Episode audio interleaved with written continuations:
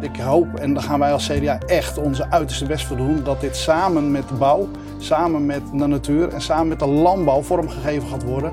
Zodat het zometeen niet weer uh, kapot gaat en dat het niet uitvoerbaar is. En nou, dat zal een ongelofelijke inspanning uh, vergen. Maar ja, de minister schreef zelf in haar begroting dat ze duidelijkheid en houvast aan boeren wil gaan bieden. Dat ze ook betrouwbaar wil zijn. Dus ze heeft zichzelf de komende negen maanden nog een grote opdracht meegegeven. Vandaag in de studio op Prinsjesdag ga ik vooruitblikken met Jacco Geurts van het CDA. Hij is Kamerlid en gaat over het landbouwbeleid en plattelandsontwikkeling binnen het CDA. Welkom Jacco bij ons en ik wil graag met jou even uitkijken. Wat kunnen de boeren en de tuinders komend half jaar nog verwachten? Nou, er gaat natuurlijk nog best wel wat gebeuren. Uh, wat in de begroting staat is eigenlijk niks nieuws. Als je een beetje het nieuws het afgelopen half jaar hebt gevolgd, zie je dat ook in de begroting terug. Maar het zal met name gaan om stikstof. Uh, het zal met name ook gaan om de ruimtelijke indeling van Nederland. Hoe gaan we dat verder vormgeven? Ja, en de verkiezingen komen eraan, dus dan krijg je ook uh, dat mensen hele grote beloftes gaan doen. En uh, nou, benieuwd of ze dat ook gaan waarmaken in de volgende periode. Mm -hmm.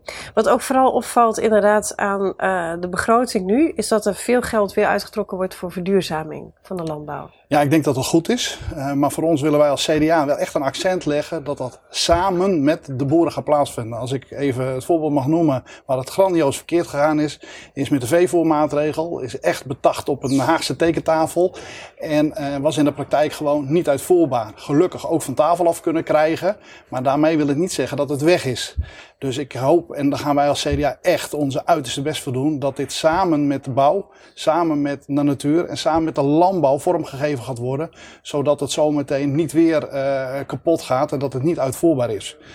En, en nou, dat zal een ongelofelijke inspanning uh, vergen. Maar uh, ja, de minister schreef zelf in haar begroting dat ze duidelijkheid en houvast aan boeren wil gaan uh, bieden. Dat ze ook betrouwbaar wil zijn. Dus ze heeft zichzelf de komende negen maanden nog een grote opdracht meegegeven. En welke rol willen jullie daar precies dan in spelen? Nou, kijk, wij als Kamerleden zijn in hoofdmoot de controleur van het kabinet. En daarnaast proberen we natuurlijk ook invloed uit te oefenen op hoe het beleid vormgegeven gaat worden. En wij gaan echt heel sterk inzetten dat er geen uh, tekentafelbeleid in het Haag wordt bedacht, mm -hmm. maar dat dat samen met boeren wordt vormgegeven. Dat je echt werkbaar beleid krijgt wat in de praktijk uh, uitvoerbaar is. En dat is een helft job, uh, is mijn ervaring de afgelopen periode. Mm -hmm. Maar we gaan echt meer dan ons best daarvoor doen. Want ja, boeren moeten ook kunnen zien dat de, dat, dat de overheid naast hun staat. En dat zal dit kabinet moeten laten blijken. De, het ministerie noemt ook nadrukkelijk hè, het verdienvermogen van de boeren, om dat ook echt uh, fors te gaan verbeteren. Daar wordt ook al een wetsvoorstel komt aan dit najaar, uh, waarin dat geregeld moet gaan worden. Uh, dat met name vanuit de ACM inderdaad de keten hè, en, en ook de boeren die dus niet beloond worden voor hun extra inspanningen op gebied van duurzaamheid, om dat daarop in te grijpen. Um, je hebt eerder ook al, hè, met een voedselscheidsrechter noemde je dat toen, daar je hart voor gemaakt. Maar hoe zie je dat in de praktijk? Hoe ook zo'n wetsvoorstel, hoe moet de overheid meer een marktregisseur gaan worden of een ketenregisseur? Nou, niet zozeer de overheid, maar dat wel uh, zeg maar boeren, tuinders op een plek terecht kunnen als zij zien dat ze uitgekleed worden uh, door de kopende partij. Er zijn een hele aantal voorbeelden -huh. uh, waar dat gebeurd is. En waar ja, boeren, tuinders niet naar de rechter gingen, -huh. omdat ze dan ook gelijk een leverancier kwijt zijn of een toeleverancier kwijt zijn.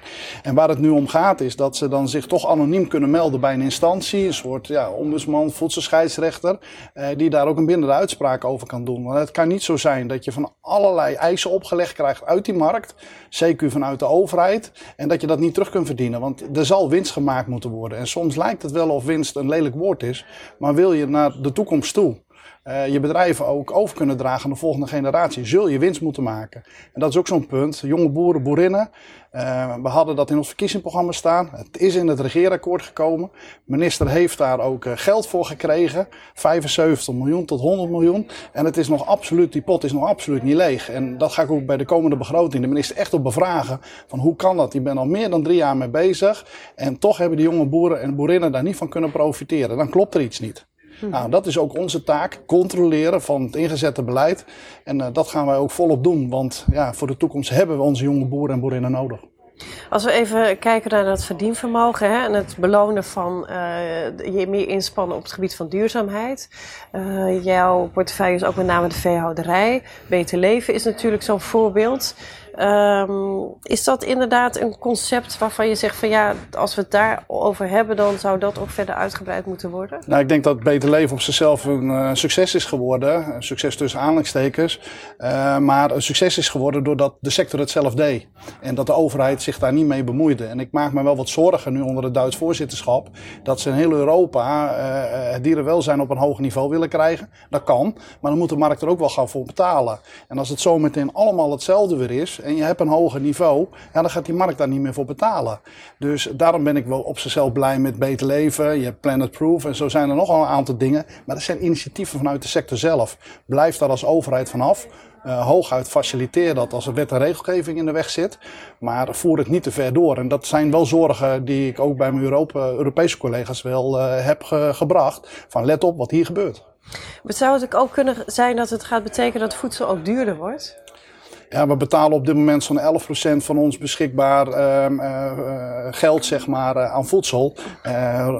na de Tweede Wereldoorlog was dat over de 50% heen. We zijn ook wel een beetje verwend. En we hebben ook wel bij de corona kunnen zien, en dat zag je ook in de troonrede van de, onze koning terugkomen, de trots die daarin staat, dat ook in die coronatijdperk er voldoende voedsel beschikbaar was. Nou, en dat, dat, is, dat is eigenlijk onbetaalbaar. Uh, maar ik denk met alle eisen die opgelegd worden, dat, dat ja, de, de rekken, de ruimte is niet meer bij boeren en tuinders. Dus dat zal ergens anders vandaan moeten gaan komen. En uh, nou, dat voedsel iets duurder wordt, zou kunnen. Uh, maar dat is voor ons geen streven. maar waarschijnlijk wel nodig. wil je een, ook verder bestaansrecht hebben voor onze land- en tuinbouw. Oké, okay, dankjewel voor dit gesprek. Graag gedaan. Dat was Jacco Geurt van het CDA, Kamerlid, op Prinsjesdag.